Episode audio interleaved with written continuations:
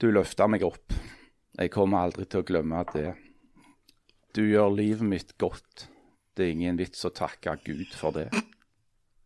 Og når dagen er grå, så maler du himmelen blå. Og når jeg tabber meg ut, så klarer du alltid å få ting til å snu. Ifølge NRK var det kronprinsesse Märtha som mer eller mindre på egen hånd Er det snudde noe egentlig så farlig til det? Ja, det er ikke så farlig, det er det. Mediene kommer med daglig og nesten time for time oppdatering av koronasviket. Ja, det betyr jo ingenting.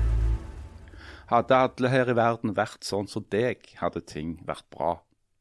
Det er sånne sånn som deg denne kloden burde ha. Jeg sier bare så du vet det, jeg har så sinnssykt sans for deg.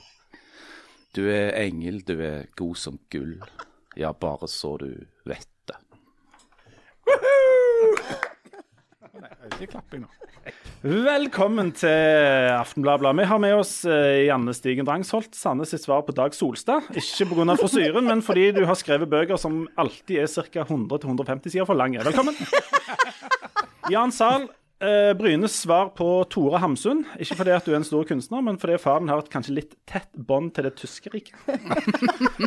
Og eh, Harald Birkevold, Stavangers svar på oraklet i Delphi. Ikke fordi at du kan så mye, men fordi at du er stadig ruspåvirka og helt umulig til å finne ut hva du egentlig mener. Og sist og minst, Leif Tore Linde. Jeg kommer ikke på noen ting spesielt å si om deg. Jeg har et forslag.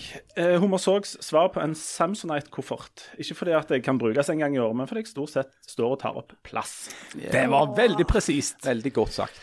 Du, um, gratulerer med mannsdagen, uh, Harald og Jan. Ja, Ta takk skal du pingle ha. Og, og Janne. Ja, hun òg. Ja, jeg la merke til dette. Men, jeg la merke til dette med mannsdagen, fordi at det var nesten samtidig som den dagen som markerer at damer etter sigende jobber gratis ut året. Som jo ikke er sant. Ja. Er det ikke sant? Nei. Ja, bevis det. Ja, ja, Får du lønn eh, til jul? Ja. Å ja, men da fikk du jobbet du visst mot betaling da likevel. Det er ikke det de mener, Jan.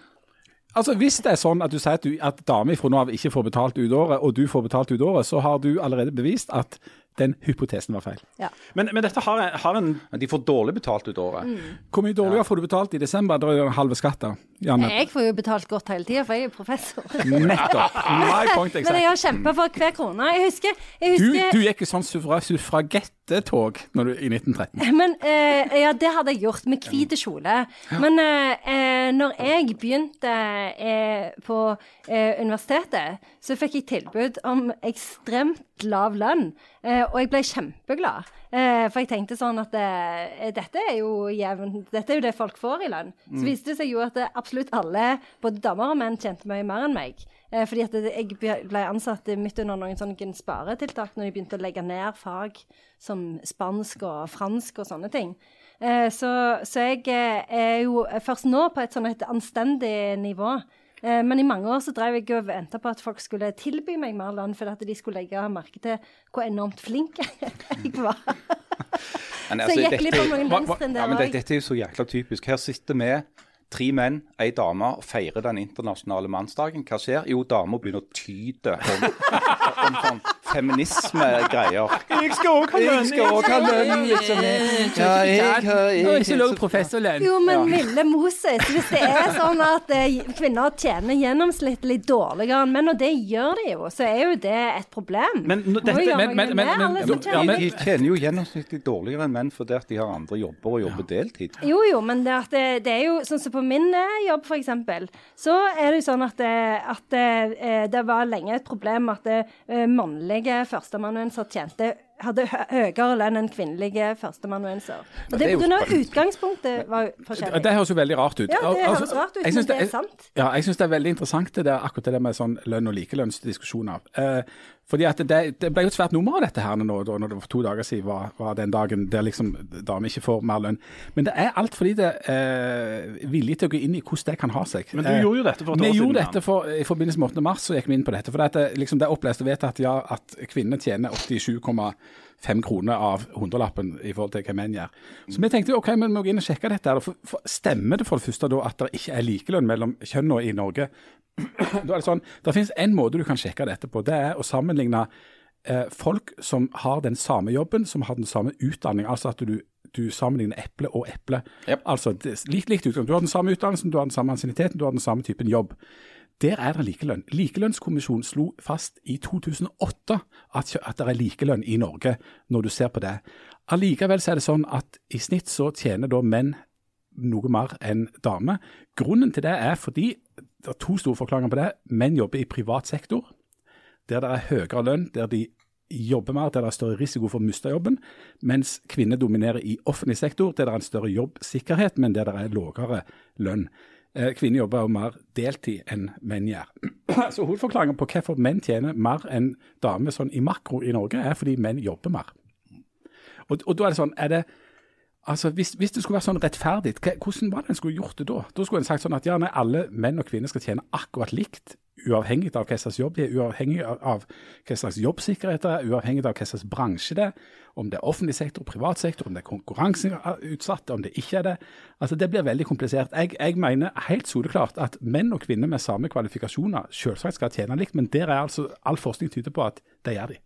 Men så er det jo òg sånn at kvinner gjør mer eh, husarbeid enn menn og bruker mer tid på å hente og kjøre og levere og sånn i barnehagen. Så dette, det er jo òg litt sånn at det, en, altså det er jo derfor en del kvinner jobber deltid, for å få liksom dette her familiesystemet til å gå opp. Så en burde jo kanskje gjort noe altså Det er jo ikke sånn at det, at det liksom lik, at, at fordi at Norge er et ganske likestilt land, så har vi nådd mål. Og det er jo fremdeles sånn at når en får barn, så går jo kvinner og menn veldig fort inn i sånne tradisjonelle kjønnsrollemønstre. Så det, en kunne jo kanskje tenkt seg at det gikk an å endre litt på hvem det er. Det er hvis det er sånn at en må jobbe, at én må jobbe deltid for at familieligningen skal gå opp, så ble jo det veldig fort kvinner. Så da burde en jo kanskje tenke litt annerledes med at gjerne menn òg kan jobbe deltid. Alle kan jobbe deltid. Eller at, den, hvert fall at liksom selve organiseringen skjer på et litt annet vis. Nå ser jeg Harald, tar du selvkritikk? Jeg håper du skal inn på tidsbruksundersøkelsen nå, for der er det veldig interessante tall på akkurat dette. Altså, hallo.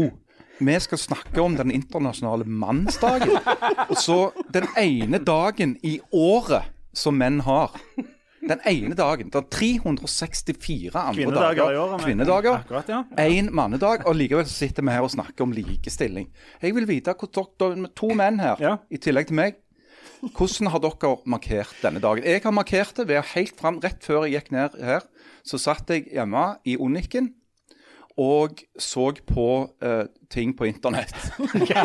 Dette, jeg må, for første gang, og sikkert ikke siste i dag, dette er et familieprogram. Men har, har du mer informasjon om Nei, altså, jeg Nei. tenker, altså, Hvordan skal du liksom markere eh, en sånn dag, tenkte jeg.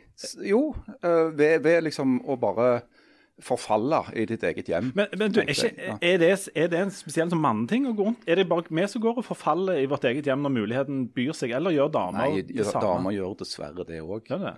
ja, jeg skulle jo ønske at det var sånn på hjemmekontoret at, eh, at hun liksom, prøv, liksom prøvde å bruke litt mer tid på å ta seg ut og sånn. Så, eh, men eh, Du- nei, jeg ser jo at det, det forfaller. Ja, jeg gjør det. Men Kan jeg bare smette inn at den siste tidsbruksundersøkelsen viser at eh, mer fakta. menn, menn bruker mer, menns bruk på husarbeid har økt, mens kvinner sin bruk på inntektsgivende arbeid har økt. Ja, men Og, det er og forskjellen er fint liten. Jo, jo, men når du legger kan det jo- sammen. Du kan jo, jeg jeg- jeg òg har jo alternative fakta, Jan. jeg Dette, ja, det, det, det er sånn dette er Statistisk en- sentralbyrå. Hvor kommer dine alternative fakta ifra? Jeg bare tuller med det. Men det er jo sånn at det, eh, en kan si at alle bruker mindre tid på husarbeid nå enn de gjorde før. Mm. Eh, så, det kan en òg si. Men jeg bare tenker at det, at det, med deltid er jo knyttet opp mot organiseringen av eh, familielivet. Og selv om eh, jeg òg er enig i at, det, at tallene peker i en retning av at ting går framover, og selvsagt bruker menn mye mer tid på unger f.eks. enn de gjorde for vet ikke, 30 år siden. Men, men likevel så er det en jobb å gjøre. Og det holder jeg fast ved, uansett det, det, det, eh, om det har blitt bedre. det kanskje viktigste likestillingstiltaket om vi skal kalle det et tiltak som har skjedd i Norge, det skjedde allerede på 50-tallet, og det heter vaskemaskin.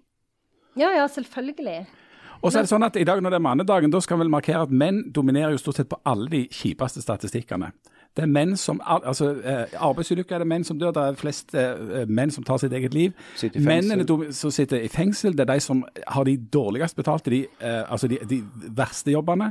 De leser ikke bøker. De leser ikke engang dikt. Nei, de er flest enslige. De, altså, de, dro, de, dropper, de dropper ut av skolen, de taper i høyere utdanning, de taper omtrent på alle fronter. Det er vel det, er det vi skal få De gjort sier med på at ca. fire av ti guttebarn som lever i Norge akkurat nå, aldri kommer til å få kjæreste. Aldri. Men Men er det, skal dere gå i tog? Hva skal dere gjøre da? Nei, For vi skal lage en podkast. Å få skikkelig snakket ut om det, gjerne, og gjerne, gjerne grene litt òg. Altså, grine ut er viktig. Og, og menn ligger jo òg på, på toppen av en annen forferdelig statistikk, og det er den med de som går mest i joggebukser på hjemmekontoret. Og Der har det jo gått ut nå en alvorlig advarsel fra en eh, sexolog om at menn, eller alle, må droppe å gå i joggebukser på hjemmekontor. fordi at og igjen, dette er et familieprogram, men hvis du går mye rundt, slafser mye rundt i joggebukser i heimen, så blir det ikke noe på deg. Nei, det blir ikke Og- noe på deg. Du må ta på deg dress. Ja, ja for, det, for det, var det jeg lurte på. Er det sånn at hvis det skal og dette er et familieprogram, men hvis det skal bli noe, så må du liksom stabre deg opp i et slags sånn uh, eiendomsmeglerkostyme? Du må og- bjude på. Sprute på deg noe Tom Ford, gjerne. uh, et lite tørkle. Sant? Men har, Og så du sitter du og byr deg fram da, i, i i et møbel i stua f.eks., og håper på napp. i dress I dress, ja. på en men- tirsdag klokka liksom Ja, ja. halv tolv. Men dette er jo noe som Burt Bacharach eh, lagde sang om i sin tid. Og han beskriver jo ganske inngående hvordan damer skal gjøre for å pynte seg og gjøre seg fine, eh, eh, sånn at hun er klar i det mannen kommer inn gjennom døra. Stemmer Time det. to get ready for love. Så dette, det sier jo seg selv at det gjelder jo òg på hjemmekontoret. Og Burt Bacharach, for de som ikke husker han, han var vel eh, likestillingsminister i USA i en Han var der Godt var han. i en mannsalder. Men du, jeg har et spørsmål til dette med, med de der litt sånn lause, slafsete buksene, som jeg for øvrig ikke eier noen av. Jeg trodde det var voldsomt godt for sædkvaliteten. Ja, Det trodde jeg òg, og det er jo grunnen til at jeg siden mars kun har gått i eh, joggebukser. Og mine joggebukser er noen år gamle og har et stort merke på låret der det står Gann videregående idrettslinja. Best på trening trening i sentrum. akkurat det der med sædkvalitet eh, blir vel et mer et sånn akademisk spørsmål for både deg og meg. For det at vi skyter jo med, med laust, kan du si. Ja, så da, da bør dere gå i litt sånn tettsittende dress absolutt hele Jeg går tida. enten i tights eller i en litt trang dress, ja.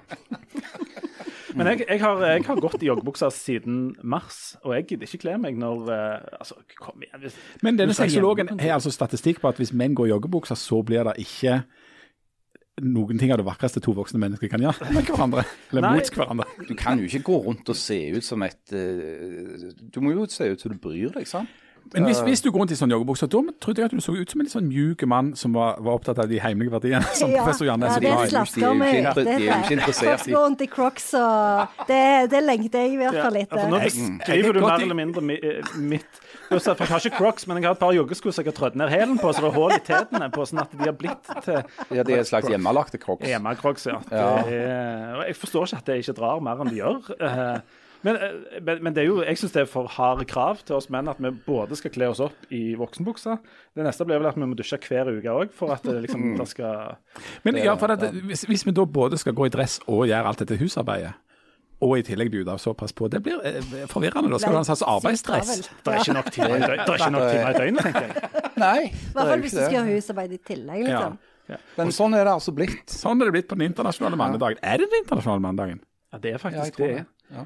Um, er, det, er det fornuftig å ha en Trenger vi en mannedag uh, for å spørre det samme, stille det samme spørsmålet som vi gjør hver kvinnedag? Trenger vi egentlig en kvinnedag? Ja, uh, det trengs sikkert en dag eh, for å reflektere litt over de tingene som Jan var inne på i stad. Med at det er en del sånne På, på samme måte så det er en del systemiske problemer, f.eks. når det gjelder uh, likelønn, i den forstand at det er en Altså at kvinner og menn velger forskjellig eh, her i livet, og det er sikkert tiltak det går an å sette inn for å få bukt med det.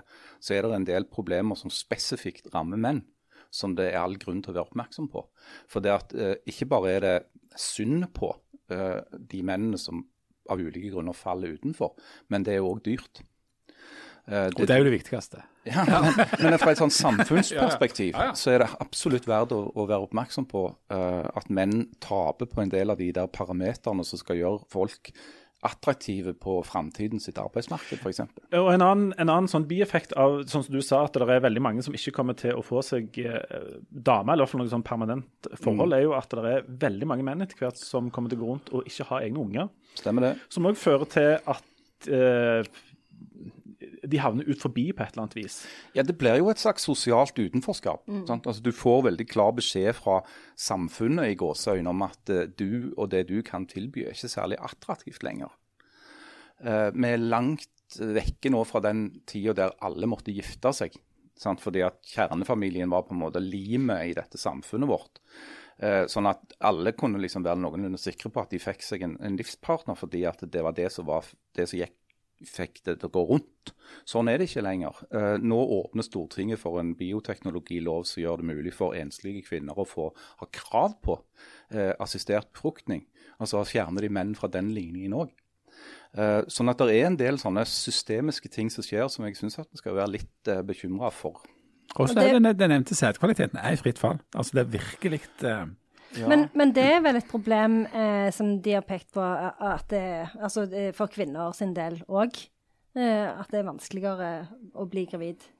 Eh, ja, for det, det er jo òg fordi at mange kvinner venter så lenge med å bli Mm, det det, er at det. de har problemer med å få det til når det først skal skje. liksom. Men det er jo veldig interessant dette her med enslige menn. For det var jo en sånn en britiske forsker som heter Richard Haggart, som skrev en sånn en bok på jeg vet ikke, sånn eh, 60-tallet som handla om Eh, om liksom den moderniteten, da, altså utviklingen av eh, det engelske samfunnet, hvor en hadde altså Etter andre verdenskrig så hadde en jo en sånn veldig sånn oppblomstring i eh, menn fra arbeiderklassen som tok utdanning. Eh, og da flytta de jo fra eh, de byene hvor de hørte hjemme, og så mista de det fellesskapet som de hadde i eh, familien, storfamilien, eh, pubene, alt det der folkekulturen, da, som, som på en måte var sikkerhetsnettet deres. Og så reiste de til London eller til Manchester eller Liverpool, og så bodde de alene, alene der.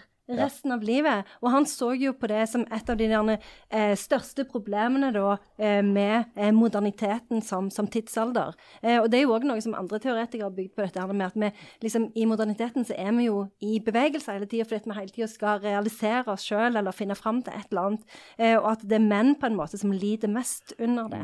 Jeg, jeg hørte et radioprogram i dag der de diskuterte lykke. altså All mulig lykkeforskning tyder på at det som skaper lykke i et liv, er ikke at du jobber mye, eller at du er mye på arbeid. Altså, Hvis du går inn og ser på hva folk sier på dødsleiet, og liksom, du spør ja, hva angrer du på, så er det ingen som svarer jeg skulle vært mer på kontoret.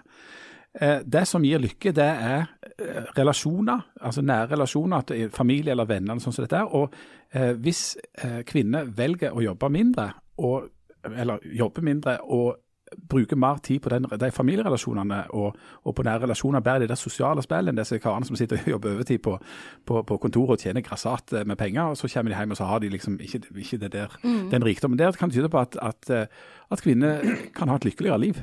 Ja, hvis skulle bare hadde brukt litt mer tid på liksom, å være klar for løv når mannen kommer hjem fra jobb, Da hadde det blitt lykke. ja.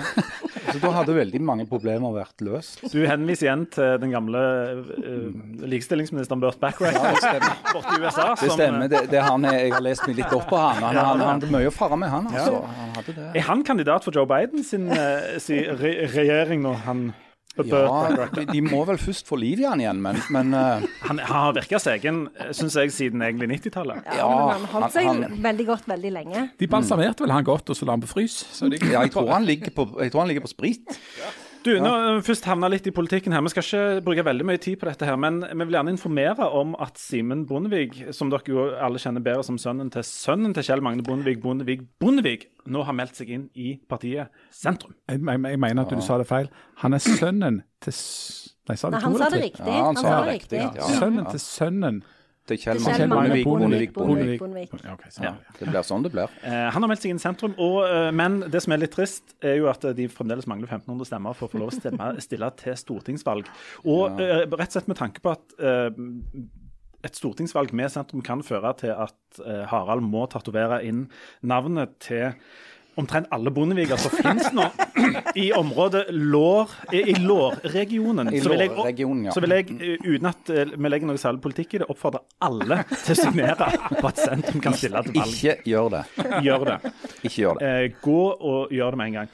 Du, ehm, Vi har fått eh, noen få tilbakemeldinger i- fra sist uke så jeg tenkte vi måtte ta med. Det ene er at eh, etter sigende så sliter vi litt med å uttale navnet på eh, et brygghus i Egersund, og nå tar jeg ikke si det engang. Det er de som heter Berens, Berensen. Nei, det er det de ikke heter, tror jeg. Beren, Berensen. Berensen. Beron, Berensen. Berentsen. Nei, heter det ikke Berntsen? Berentsen. Nei, de heter Nei. Berntsen. Det bare skrives Berntsen. Det skrives Berentsen. Berentsen. Brens, Brensen. Men du, Ja, er det bare sånn? du du nesten Ja. som Zal. Zal. Men eh, for, for å si det sånn, eh, hvis det, og dette er jo, eh, dette er jo noe noen der ute vet noe om. Jeg har f.eks. sjekka med med Tønes, av alle folk i verden, eh, Ja. om, om hvordan dette skulle uttales. For jeg tenkte at han må jo ha greie på det. Han er jo ikke, Sangfuglen fra Haua. ja, han er jo ikke fra Egersund, da, men, Nei, men det er jo Haua. nedi der. Han er fra Haua. Ja, Uh, Og svaret jeg fikk derfra, var at han vågte seg ikke på det. Å ja. Han vågte seg ikke Men er Det er det, er det omdiskutert? Det er et minefelt. Nei, det er nok ikke omdiskutert. Det er bare vi som ikke har helt greie på det. Men hvis dere er der ute og vet hvordan du uttaler mm, brygg, brygghus i Egersund, så gi oss veldig gjerne beskjed, for vi, vi må få det rett. Bransen. Nei, det kan, kan. Om vi skal ha en sånn julebrustest, for jeg er sikker på at jeg hadde klart å identifisere deres Ja, julebrus det skal veldig ha. lett. Og det er en veldig fin overgang til neste. For er dere i gang med juleforberedelsene? Jeg kommer nemlig rett ifra å ha hengt opp noen julelys hjemme. Jeg har kjøpt den første julepresangen. Jeg tror aldri at jeg har kjøpt en julepresang i november, men det har jeg gjort. Jeg har for første gang i hele mitt liv kjøpt julepresanger. To stykk. De kjøpte jeg for to uker siden. Det som skjedde så, for dette jeg tenkte, jeg, fant noe som var veldig fint, så jeg tenkte dette kan broren min få, og dette kan søsteren min få. Jeg, følte meg, jeg har aldri følt meg så på en måte en blanding av dum og smart i hele mitt liv. og så, forrige uke nå, så, så begynte, så var det søsteren min som tok eh, initiativet, og så ble det en liten utveksling på Messenger. Var det den Det der Vi skal som- ikke gi presang i år? Det som kom ut av den Messenger-tråden var at i år skal ikke vi tre gi gaver til hverandre. nei. Det eneste år jeg har kjøpt de gavene på forhånd! Men kan du gi dem til noen andre, eller er de spesifikke? Altså, De får de til neste år. Ja, ikke sant? Ja. Å ja, det er årgangsgreier. Altså. Årgangsgaver. Men for meg og hun Så du er gift med for øyeblikket? Hun faste har jo gjort den dealen i år at vi liksom skulle ikke gi hverandre presang. For vi skulle heller, og da vet jo jeg at Sant? Ja. ja Jf. det med mannedagen. Det er da Du du kjøper ikke iallfall John skal kjøpe Mitchell-CD.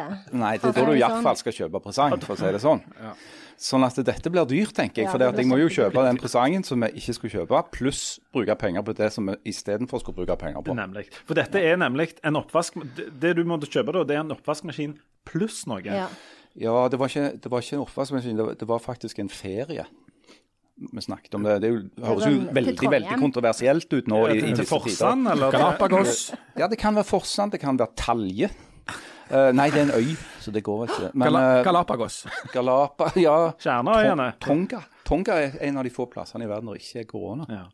Nei, altså det var en reise da vi snakket om kanskje vi skulle. også, men som dere vet, dere to menn i dette lokalet, det betyr det dobbel Det er dobbel utgift. Du Janne, du har jo tufta mer eller mindre et langt, suksessrikt og uh, altfor uh, bokstavrikt forfatterskap på dette med jule, juleforberedelser. Nei, bare Ja. prøv å skryte deg litt. Janne, for de som ikke vet, Janne er litt høy på seg sjøl fordi at uh, hun nettopp uh, så høy lønn.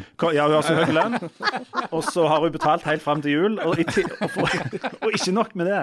Men når, All skatt i desember. ja, når Dag Solstad måtte avlyse uh, på et bokbad, så var jo den naturlige personen å ringe. Da ringer de liksom den som er rett unna Dag Solstad, eh, nemlig Janne Stigen Drangsholt. Så hun måtte overta et bokbad. Men du, da, du har jo skrevet om juleforberedelser, har du ikke det? Jo, Jeg har ikke lest bøkene dine, men jeg har lest Nei. resymé. Ja, Jo, jeg det har du. det. Ja. eh, jeg syns julen er veldig stress. Ja. Syns det er altfor travelt. Uh, men i år så føler jeg jo at eh, det må være litt eh, jul, fordi at eh, det er jo ingenting annet kjekt som skjer. Det er sånn skjer. kompensasjonsjul. Ja. Så Men- men- jeg har tenkt, jeg, For det første så har jeg i dag har jeg bestilt julekort. Og jeg har bestilt til dere òg, så hvis jeg ikke får tilbake, blir jeg kjempesur. Åh, det bare sier jeg. dritdårlig på Ja, det er bare å ta seg sammen. Jeg forventer et julekort til hver og en. Men, Men du har lagd det? Nei, jeg har bestilt det fra Sverige. Jo, jo, men det er ikke, det er, ikke- ikke har- bilde av Emilie Lønneberg nei, og de det er det ikke. Det er bilde av eh, meg og min familie. Ja. Eh, men også har jeg òg kjøpt inn en sånn en eh, boks fra Ikea med sånn pepperkakedeig eh, som man må kjevle ut Ja, det er den beste. steike. Den på ja. Ikea. Ja. Eh, det har jeg gjort. Og så har jeg òg tenkt, faktisk For at det var interessant at du, dere sier dette med ikke kjøpe gaver til hverandre. For i år så hadde jeg Og det sa de jo på nyheten òg i går, at eh, ingen kommer til å kjøpe så mange julegaver som de, har gjort, som de skal i år. Og det har jeg òg tenkt, ja. Jeg tenkte ikke bruke kjempemye penger på julegaver i år. Det er bare fordi du får lønn helt fram til jul. Og har, så, Ja, når Jan sa det, når Jan sa det, så tenkte jeg da skal jeg, jeg skal bruke alle pengene. Men jeg, men jeg har noen spørsmål her. For det første, hvorfor i all verden har du bestilt julekort fra Sverige? Og så legger jeg merke til også at du har kjøpt eh, sånn eh, pepperkakedeig fra Sverige. Ja. Ikke du fått med deg at det er liksom det lokale næringslivet, det norske næringslivet vi skal støtte? Men du driver jo- og sender sånn hjelpepakke til Sverige? Jo, jo. Men jeg Hva faen kjøpte får jo du ikke bestilt det i Latvia? Da hadde det blitt sjau. Ja, da hadde det blitt sjau. Hva er dette svenske Jeg kjøpte det jo på Ikea på Forus. Jeg reiste jo ikke til Ikea i Sverige og kjøpte det. Så Og Forus er handla lokalt, mener jeg. de jobber jo De er jo fra her, de sier. Jo, de Forus, eh, Forus er lokalt. Men hva er det med de svenske julekortene? De er så fine. De er De er. Er det noen egne svenske julekort? Jeg har ikke peiling det, bare å støtte hjemme. skal jeg si Du trenger ikke dette. Det er den ene dagen i året der du ikke trenger støtte. Janne.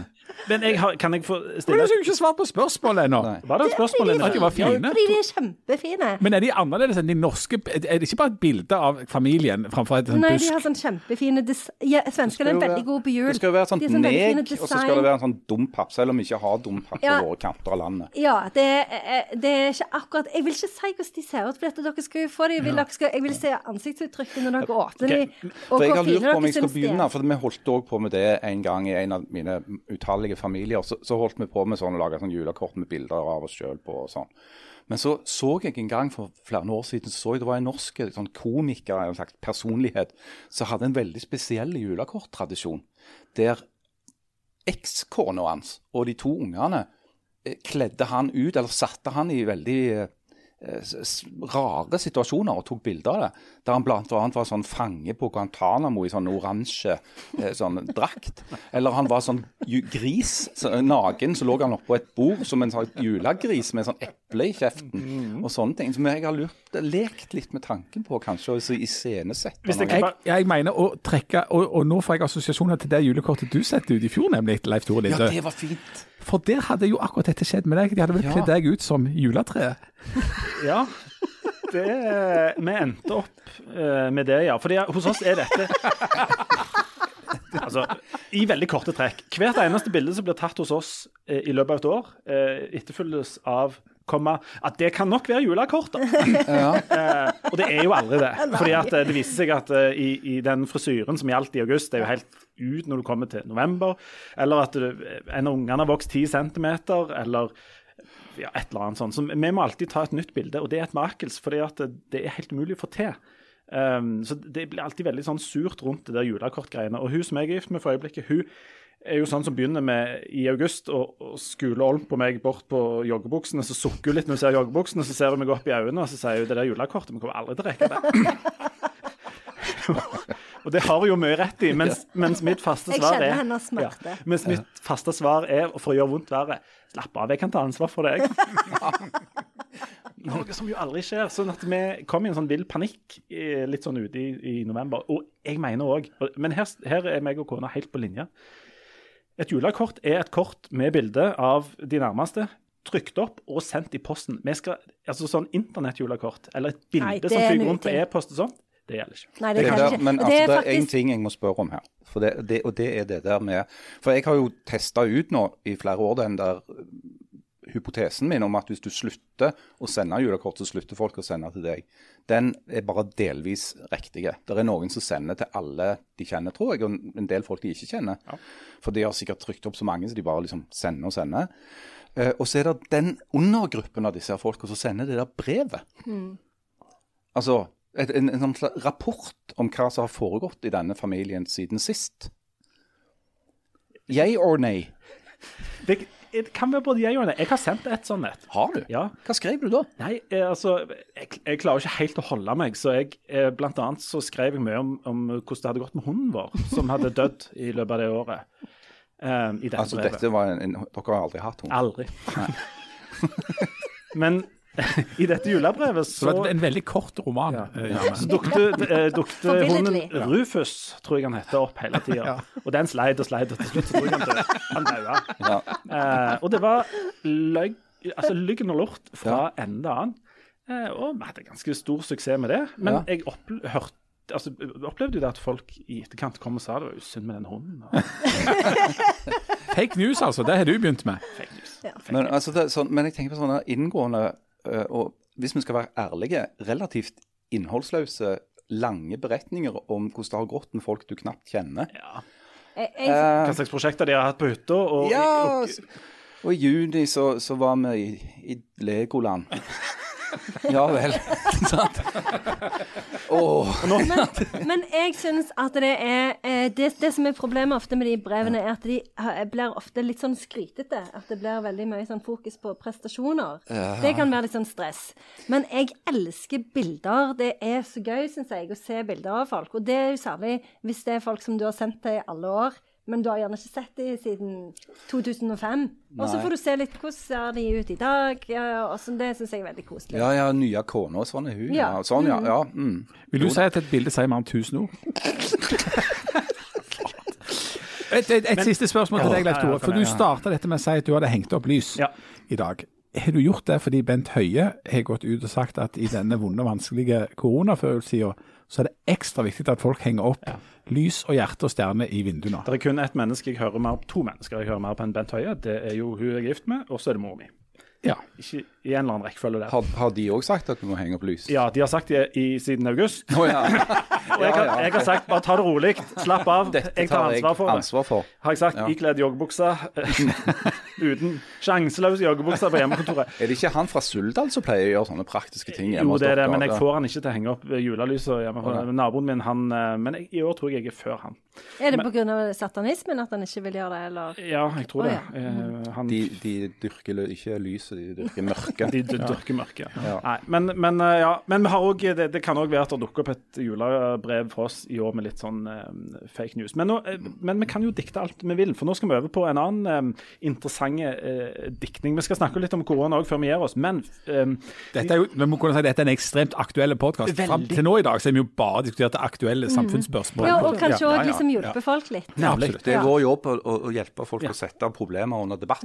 Ja, der gjør vi ja, Sånn var det ikke Georg Brandes som sa det. og det var det. Han jobbet vel med Burt Backrack i sin tid. Han, han han, er- var produsent på noen av de beste Ja. låtene til, til Burt. Stemmer det. What do you get when you fall in love? I, i sånn joggebok så får du ingenting. Absolutt ingenting. You walk in the rain and you get pneumonia. Ja. Ja. Men, vi- skal, After you do, he'll never call you. Er det det? Stemmer det. stemmer det. I'll never fall in love again. Det gjelder ikke for Birkvold. Han får in love absolutt. Ja, ja. Hvor mange koner har du hatt nå? Å, nei, det, Han har hatt mange koner, og noen har vært hans egne. Over til neste det er nok til å stille et stafettlag. Ja, det er det. Pinnen har gått fra Ok. Neste tema. Du, eh, vi, vi er jo veldig glad i å se på fjernsyn. Og i det siste så har eh, i alle fall jeg og mange med meg eh, sett en del på denne Atlantic Crossing-serien til NRK, som nå har skapt debatt. Forferdelig kjedelig. Forferdelig kjedelig. Den serien har jeg begynt å irritere meg såpass mye at jeg har begynt å holde med tyskerne. Såpass kan jeg røpe. Jeg er veldig spent på hva dette er med korona, her, for nå ble du begynt å Ja, ja, snakke nei, om nei, at men Vi skal ta opp om- koronaen etterpå. ja, Men, men um, Atlantic Crossing er jo en sånn eh, eh, serie basert på historiske hendelser og, og fakta. Og nå har det blitt en voldsom sjau. Basert på, vil jeg si. Og nå, det har blitt en voldsom show nå, fordi at uh, det er en del professorer, bl.a. Tor Boman Larsen, og etter hvert ganske mange andre, som er nokså illsinte på NRK fordi at de ikke holder seg slavisk til det historikerne mener er faktaene her. Blant annet så, så blir det jo det er en framstilling her av at kronprinsesse Martha nærmest på egen hånd snur krigen. Ja, hun, er, hun er en slags eh, MacGyver-aktig sånn skikkelse som, som holder på der borte, eller, eller sånn Jack Reacher-karakter som bare drar bort og endrer verdenshistorien i Washington. Nettopp. Fake history, made in Norway, skriver Tor Boman Larsen. Og så eh, er det jo eh, Det de ikke liker, det er at um, historien De mener historien ikke blir på en måte framstilt rett i det som er en dramaserie. Og Da er jo spørsmålet hvordan vi skal forholde oss til uh, dette her. Det er nok uh, kanskje noen som ser disse seriene og tenker at ja, sånn var det. ja, sånn var det, Som ikke nødvendigvis er så interessert i historie. Hva Jeg vil at du slutter å snakke nå, Ja. og overlater ordet til professor Drangsholt, som faktisk kan si litt fornuftig om dette med autentisitetskravet Nemlig. i både virkelighetslitteratur og i, i, i fiksjon. da. Da får dere fasiten. ved Janne Jeg har jo ikke forberedt et foredrag. Nei, men eh, det er jo Jeg det har aldri stoppet deg før for å holde foredrag. Nei, nei, vet det, så jeg kjenner jeg er i gang allerede. Ja, kom igjen. Eh, nei, men eh, det er jo eh, farlig med de der eh, nesten sanne fortellingene. Eh, og det er jo noe jeg har tenkt på. Jeg var veldig glad i den historien om bøkene. Eh, for det hadde de eh, veldig mange av på Stangeland skolebibliotek. Eh, og da føler du jo at du eh, får et sånn, eh, sånn personlig forhold til en del av disse herne, eh, karakterene som fremstilles. Og det er jo litt sånn, sånn når Daniel Day-Lewis spiller Lincoln, eh, og du så leser den boka av George Saunders heter 'Lincoln in the Bardo', som handler om når Lincoln mista sønnen sin, så får du jo em, Altså, du, du, du, du får et sånn et veldig personlig forhold til disse karakterene, og det er eh, såpass mange eh, følelser eh, som kommer i spill pga. fortellingen, at det, det får en sånn en sannhet i seg uansett hvor mye funnet på det er.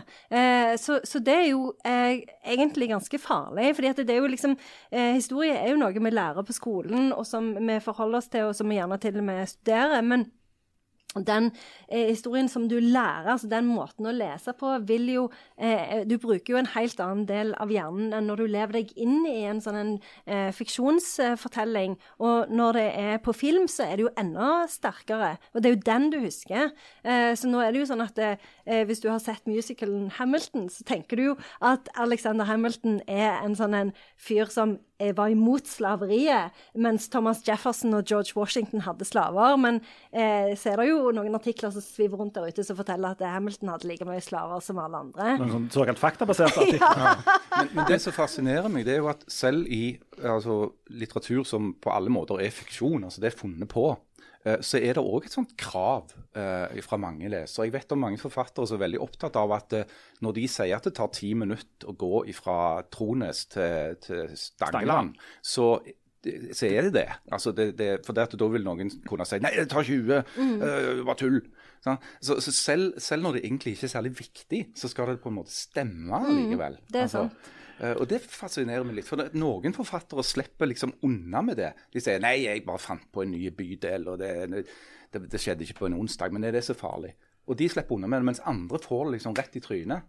For, du- for du har jo en sånn en, eh, kontrakt, Ja. og, og den kontrakten etablerer du jo uansett. Eh, og hvis du drar inn eh, historiske hendelser, da, så er det jo sånn at den kontrakten eh, blir veldig sånn vanskelig eh, å forholde seg til. Og det beste eksempelet på det er jo eh, den der eh, Philip Roth-boka, den der The Plot Against America. Ja. For der er det jo sånn at du hele tida som leser, så er du ganske usikker på ja, å, ja, men, For du kjenner jo historien sånn cirka. Du vet jo at liksom, Charles Lindberg ikke ble valgt til president, alt dette her, men likevel så blir du usikker. Ja, tenk Eh, om. Ja, tenk om. Og, og du, og du eh, omfavner jo eh, det som, det som eh, Philip Roth eh, skriver, og det er jo det som er poenget med han òg, at du skal bli usikker på hva som skjedde, og hva som ikke skjedde. Men, det- men det er interessant. er- Altså, hva som er Altså, hvorfor lager en så mange ting på TV og film for tida som er basert på virkeligheten, eller basert på virkelige hendelser? Det er mange sånne formuleringer rundt det. sant? Det gir jo en ekstra tyngde at du presenterer da for den som skal se det, at dette er basert på virkeligheten eller på, på virkelige hendelser. Noe som forteller deg at dette er mesten sant. Eller jeg tror den vanlige som ser det, vil tenke ja, da er det å ja, ok, så det var sånn det var. Og så legger du altså ut eh, filmer om Tor Heyerdahl, der det viser seg eh, etterpå at eh, nei, det var ikke sånn eh, de folka som var der, var. Du lager en serie om kampen om tungtvannet, som det blir reist kritikk rundt. Amundsen. Amundsen, ikke minst. Kongens nei. Kongens nei. The Crown, Mm. og nå denne Atlantic Crossing. Og, og, så, sier- og så argumenterer de jo, jeg forstår jo det, jeg forstår det, men samtidig så syns jeg det er noe litt sånn feigt over det. For de sier at ja, men det er klart at vi kan ikke la, dette er ikke en dokumentarfilm, selvsagt er det ikke det, det er jo lagd nå.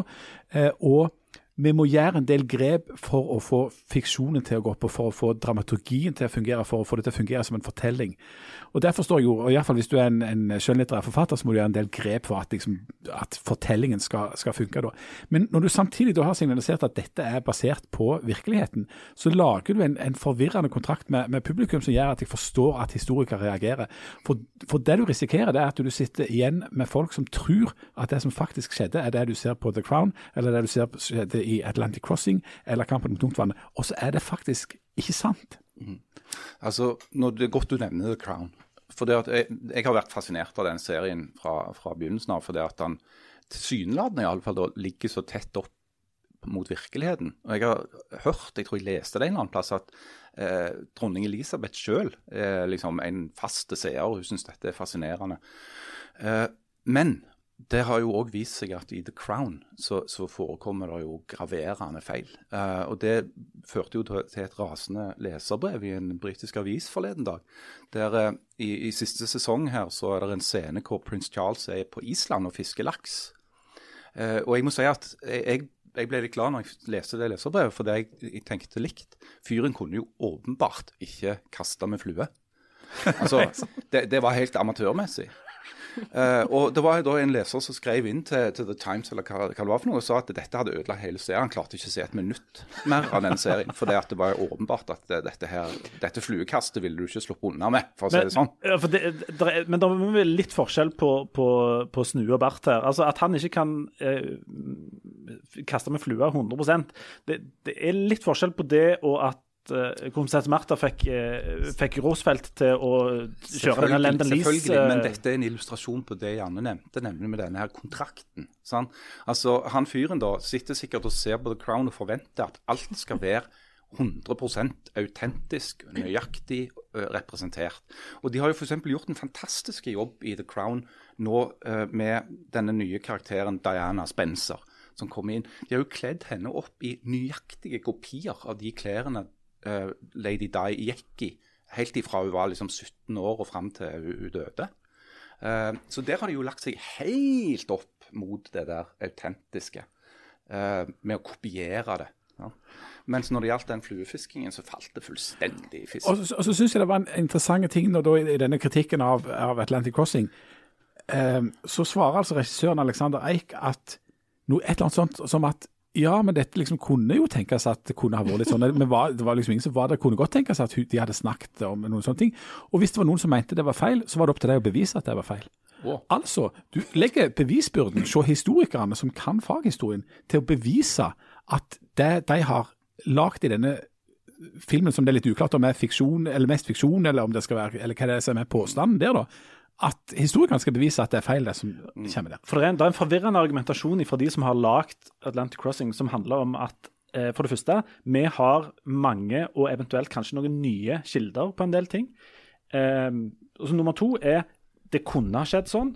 Og så liksom eh, slengen på slutten. Dessuten så er dette inspirert av tror jeg, mm. formuleringen av virkelige hendelser. Altså det er en dramaserie, så vi må jo smøre på litt i tillegg. Det er jo til og med noen alvorsfolk som har begynt å advare mot dette uh, i lys av den tida vi lever i, med falske nyheter og det der eh, store filosofiske diskusjonen om vi kan tro på noe som helst lenger. Mm. Og mener at de som driver på med dette, er sånn uh, fiksjonsnær fakta, eller hva de kaller det for, eller uh, mockumentaries er jo òg en sjanger. Ikke sant? Så du later som det er en dokumentar, men det er egentlig ikke det. At det er med å forsterke et problem i samtida, med at alt er mulig. Ingenting er sikkert. Det finnes ikke noe som heter sannhet lenger. Eh, vi er jo på vei tilbake i en slags form som postmodernisme. Altså det, nei, sannhet det er nå det hva du bestemmer sjøl. Ambition postmoderne. Yeah. We, have, we have alternative facts. og så er det jo òg sånn at det, i mange av disse her, eh, eh, fortellingene som tar for seg historien, så er det jo ofte sånn at en, en, en lager jo en sånn en heltefigur av den personen som skal portretteres, enten det er snakk om eh, dronning Elisabeth eller Lincoln eller hvem det er. Og da er det jo litt sånn at du får jo for det, sånn så jeg synes, eh, Spesielt i The Crown, sånn i de der eh, litt tidlige sesongene, så er det jo sånn at du, du kommer jo på gråten hele tida fordi at dronning Elisabeth hun ofrer så mye for Storbritannia. Og, og jeg merker jo sjøl at jeg ble mer, mer interessert i det britiske monarkiet liksom etter å jeg gikk og, samtidig, og sjekket inn sånne, sånne videoer på YouTube og sånn for å se noen av disse herne, eh, så, reali eller ordentlige eh, opptakene som, som de hadde liksom lagt på ny i den serien og Men sånn. samtidig så tenker jeg The Crown får jo òg en økt troverdighet ved at de ikke bare lager et sånt glansbilde. Mm. Altså, Det er jo òg en fortelling om en dypt dysfunksjonelle familie. Mm. Altså, der, der de er omtrent De er jo psykopater, mange av de. Altså, de er jo ikke i stand til å, å forholde seg til normale følelser. Men prins Charles virker til å være en greppa kar. Han er greie. Han er greie. Ja, han virker til å være Han er det tak i. men, men, men sånn så, hvis du ser på f.eks. Eh, den der um, Vi snakket om konspirasjonsteorier i en tidligere episode. Så sånn så hvis du ser på f.eks. den JFK-filmen til Oliver Stone Etter du har sett den, så er det jo ingen som tror at Lee Harvey Oswald var den som skjøt Kennedy. Men det var jo det. Ja, ja, ja men Jeg var jo ikke det. Jo, jo, men så det er jo Og, og det, for sånn så For meg så har det satt seg Det er jo liksom det, det er greit nok at det, sånn som vi snakket om, så var det jo liksom i 1964 at konspirasjonsteori, at det ordet ble liksom tatt i bruk av den amerikanske befolkningen. Det var jo basert på virkelige eh, hendelser. Men, men samtidig så, så har jo spesielt film og TV har jo en ganske sånn stor makt til å eh, sette noen opp på en sånn pidestall eller rive noen ned. Neste uke så skal vi få med Bondelaget, for de har reagert på Peppa Gris er helt urealistiske. Så da skal vi ta en, en liten runde på det. Du, Vi skal snart eh, eh, både Janne skal få anbefale noen ting, og dessverre så skal Harald eh, Birkevold lese noen dikt som vi gruer oss enormt til. De er sikkert dritkjedelige på et helt annet språk. Men eh, først så ta, ta en liten ting. og Dette har vi, har vi fått noen innspill på har vært litt sånn diskutert eh, hist og her. Og Det har med mediedekningen av koronaen å gjøre. Det er nemlig en koronapandemi. Jeg vet ikke om dere har registrert den rundt omkring? Um, og som vanlig så blir det eh, en, diskusjon om hvordan medien dekker, dekker dette. Bare For å ta vår egen aftenblad.no. eh. Blant de fem øverste sakene på nettet så er det et, ett koronadødsfall på Stavanger universitetssykehus. Flere utenlandske arbeidere har fått korona. Så er det litt sånn småting som væpna politiaksjon Brøyneberg, en dårlig film og litt forskjellig. Og kommunelegen i Vindafjord, vi er blodrøde. Eh, Jeg tipper at det kommer til å forsvinne av seg sjøl hvis sentrum eh, klarer å samle 5000 underskrifter. Du tror det? Ja, det tror jeg. Skal ikke se vekk ifra. Eh, og videre ned igjennom så er det, handler det faktisk om korona, sju nye smittetilfeller osv. Og, så videre, og, så og så er da spørsmålet om vi som driver i mediene, em, gjør dette her til enda mer alvorlig og skremmer livskitt ut av folk unødvendig. Det er det en del blant annet på, som skriver på, på Facebook og sier høyt sånn. Vet ikke om dere har hørt det, jeg har i hvert fall hørt det. Jo, altså, jo da, det er jo denne gjengen uh, av sånne folk som så jeg antar får mesteparten av sine opplysninger om verden via sånne litt uh, rare videoer på YouTube. Eh, der har du en gjeng øh, som, som da mener at hele driten er en slags øh, bløff og, og satt i scene for oss å kontrollere oss, og, og vaksinene skal gjøre oss til slags zombier osv. Men utenom de, som er sånn helt åpenbart kaklesprø, så er det jo en del folk som øh, er veldig skeptiske til liksom, disse tiltakene, at de, at de blir overdrevet. Og at det, det er jo ikke så farlig. Det er jo nesten ingen som dør av dette. Og de som dør, er uansett ganske gamle og skal dø snart allikevel. Så hvorfor skal vi drive på og stenge ned hele samfunnet for å ta liksom, øh, hensyn til de? Kan vi ikke prøve å leve som normalt, og så går det over? Ja, men det har jo det har vært mer enn som så. I, det har vært en diskusjon rundt tiltakene i Bergen om de rett og slett bryter med menneskerettighetene. Ja. Dette med forbudet mot å ha uh, mer enn fem personer i en husstand, er det i det hele tatt juridisk lov. Vi er i ferd- er med å bli et diktatur. Vi er et diktatur ifølge TV 2 før de endrer det til at vi er litt lei. Ja, men, men, men så er sånn, hvis, hvis, du, hvis du stiller noen spørsmål, hvis du stiller, altså hvis det, seriøse jurister stiller et spørsmål med dette her, eller hvis det var en overlege vel i Bergen også som stilte noen spørsmål rundt dette her, skal vi ikke ta det opp på et slags alvor da? Eller skal vi bare blåse det vekk og si at det er klin kokos? Og så var det, så var det et, et innlegg på, på Facebook, eh, en som Erlend Frafjord, som, er, som har vært journalist i Aftenbladet før, men som nå jobber i NRK, som mente at Aftenbladet eh, hvor negativt eh, Altså, altså tittelen til Aftenbladet var at vi var altså at, eh, De var bekymra. ja, ja, at de oppe på, på, på sykehuset var bekymra. Mens han mente at det som var budskapet på pressekonferansen når han var til stede, var at det går det ser veldig, altså det ser ganske bra ut her. Vi har lave smittetall, utviklinga er flat. Fortsett sånn som dette her, så, så, så kan dette gå godt. Men det som som var et Erlend- budskap. Det som. Erlend, som er en venn av meg, sa, eh, var jo at han syntes dette var fake news. Ja. Uh, og det, det syns jeg var å gå langt. uh, Å si at dette er fake news. Dette er en vinkling. Uh, og bakgrunnen for det er heller ikke så vanskelig å forstå. For det at når smittetallet er så lavt som det er i- i Stavanger, på det tidspunktet hvor denne pressekonferansen ble holdt, så kan det bare gå én vei. Sant? Det kan bare gå oppover. Uh, og det var det som var bekymringen. At det, det som skjer, vi ser skjer i, i Oslo, uh, i Bergen, til dels i Trondheim, og kanskje her. Uh, at de var bekymra for at OK, nå ser det bra ut, men hva kommer til å skje i ukene som kommer? Og det ble faktisk sagt på pressekonferansen. Vi er bekymra for hva som kommer til å skje.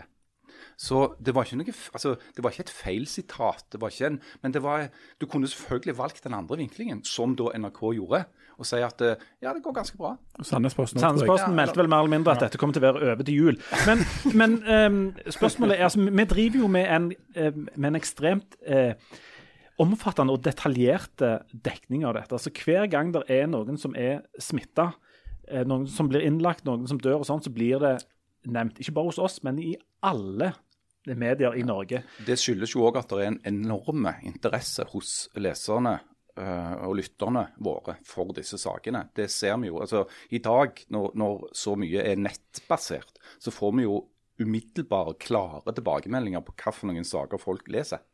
Eh, ikke bare hvor mange som gjør det, men hvor lenge de leser og alt mulig. Sant? Det ligger jo i, i internettet natur. Og det, det er ikke unaturlig at mediene da blir prega av De vil gi folk mer av det de vil ha.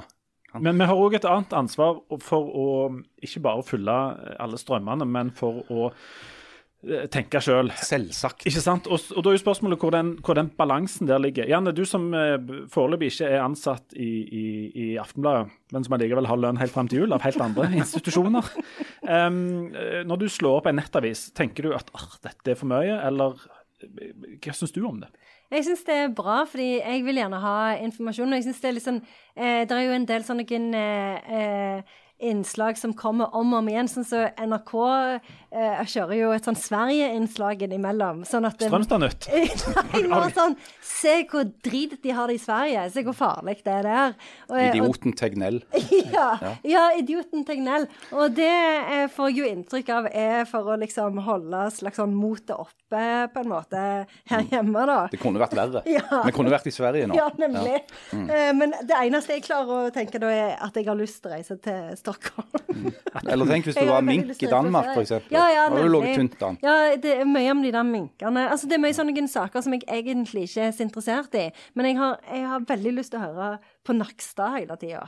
Det liker jeg veldig godt. Når noen siterer Nakstad på et eller annet. Og jeg vil jo ha informasjon. Og sånn som i dag så hadde de jo en sånn en eh, Snakket de jo om at eh, de fleste sånn munnbind av tøy som de selger, er ikke sertifiserte, så de fungerer egentlig dårlig. Sånn, sånn informasjon, sånn praktisk informasjon, det vil jeg ha. For jeg, Men- men- jeg, vil ha, jeg vil ha tips på hvordan jeg kan følge reglene.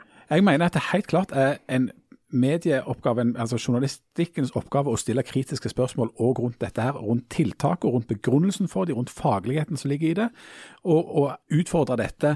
Det var jo en periode helt i starten der, der vi gikk voldsomt i takt, alle i hop.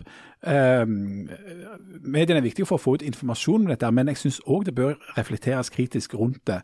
Både sant, det juridiske, det økonomiske, det helsefaglige, alt i hop. Så, så, så det må en kunne gjøre uten at det blir eh, sitt på noen sånn ko-ko-greie, eller at den er rar eller konspiratorisk eller, eller noe som helst sånt. altså. Jeg tror dessverre at det er en del av de faste samfunnsdebattantene som følte seg veldig altså De ble rett og slett veldig snødne når det plutselig ekspertene inntok arenaen. Altså de som faktisk kan noe om smittevern. Nakstad og de. Så, Nakstad disse, sant? Og så var det en del av de vanlige bablerne som tenkte fader, jeg òg har lyst til å mene noe om dette. sant? Og så til slutt klarer de ikke å holde seg lenger, og så må de mene noe om f.eks. om vi skulle spilt fotballkamp i Romania, eller hvor mange folk som skal få lov å sitte i en ferje, eller et eller annet sånt. Noe de overhodet ikke har greie på, men de har så lyst til å mene noe. Så da setter de i gang. Eh, Og jeg blir jo stadig vekk misforstått, altså, som at jeg sier at de burde holdt kjeft. Eller det mener jeg jo egentlig. Men altså, de, de må jo bare få lov å si det. Jeg er jo tilhenger av ytringsfrihet. Men de får ikke lov å si det uimotsagt. Altså, Det må være noen òg, det er òg mediets oppgave, å si til, og det handler om vanlig kildekritikk. Eh, du som sier dette her, har du greie på det du snakker om, eller sier du det bare fordi du har lyst til å mene noe?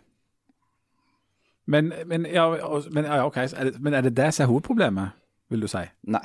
Nei. Hovedproblemet er at folk er drittleie av dette her. Ja. Sant? Og Det er derfor mer- jeg klikker så mye på de sakene. Ja, de er drittleie av lockdown og frykt og reiserestriksjoner og miste jobben og hjemmekontor og hele helsikes driten. Det skjønner jeg godt. Og da er det jo noen som etterlyser Kan dere ikke være litt mer positive, da? Det, det, det får jo vi som jobber i avisene alltid høre etter på en måte den der eh, Vi må finne ut hva som skjer, og, og denne kriseforståelsen fins. Når den er gått litt over, så får, kommer kjeften med at kan dere ikke være litt mer positive? Ja, ikke spør de meg, så spør de feil mann. Men uh, Du var jo positiv, husker jeg, på Når jeg begynte her i 20... Nei, jeg blander med en annen. ja, nei.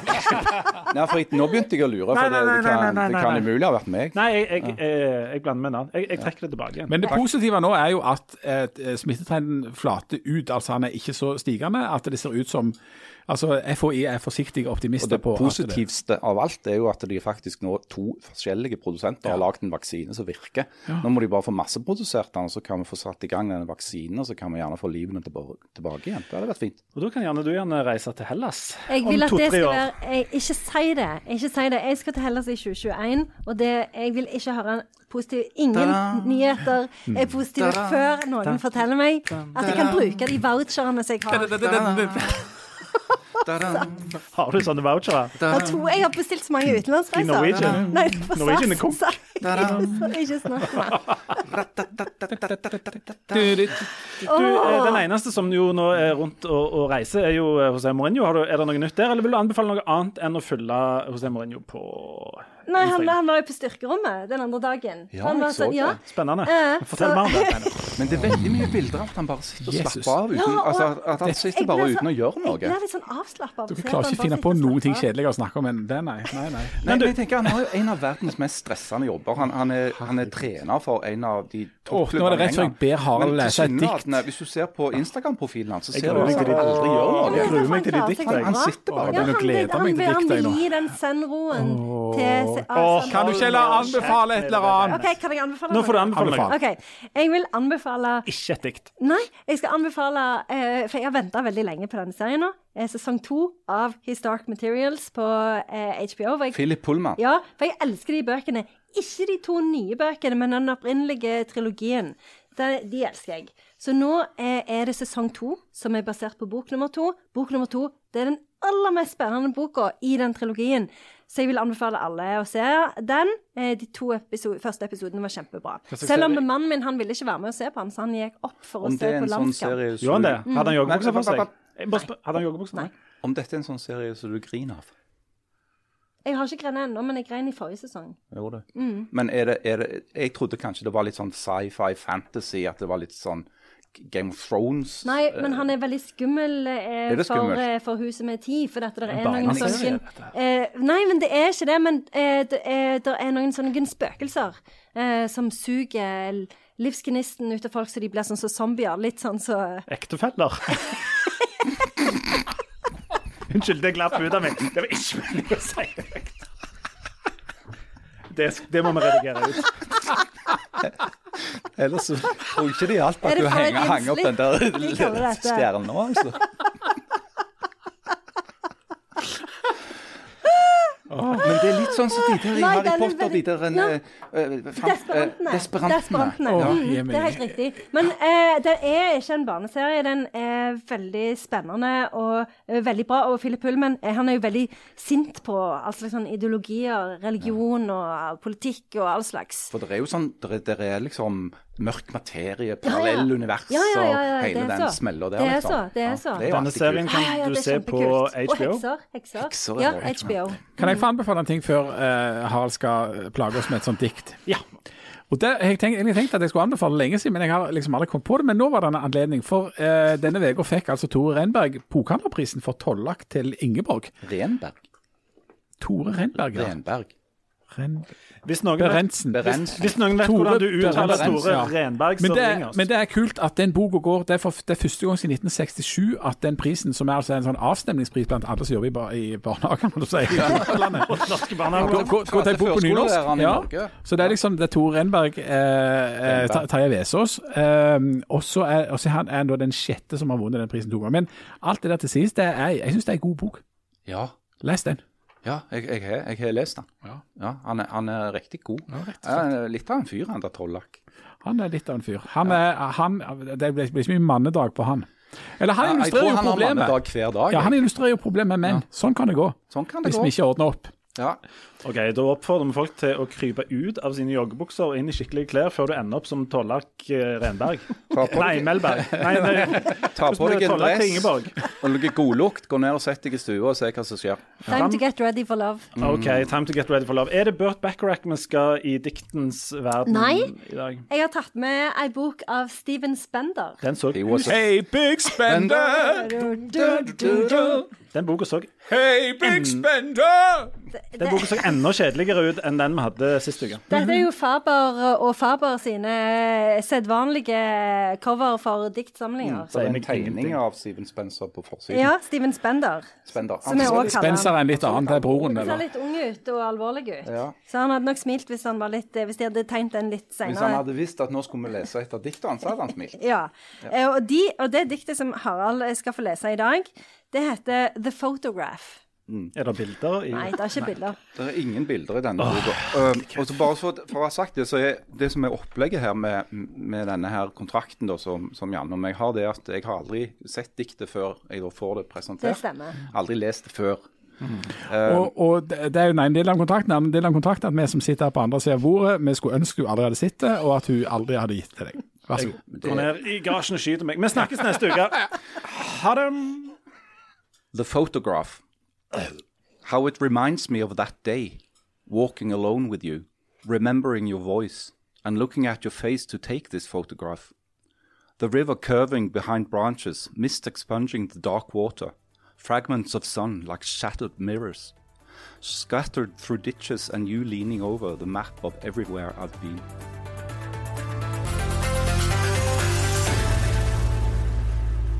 Jeg er ferdig. Er det ferdig allerede? Ja. Vi kan vel si det si Det beste vi kan si om det diktet, er at det var ganske kort. Dikt kan jo ikke bli kort nok. Det er sånn haiku. Det var et fint dikt, syns jeg. Ja. Det var det. Hva handla det om? Det handla om magien som oppstår i et bilde.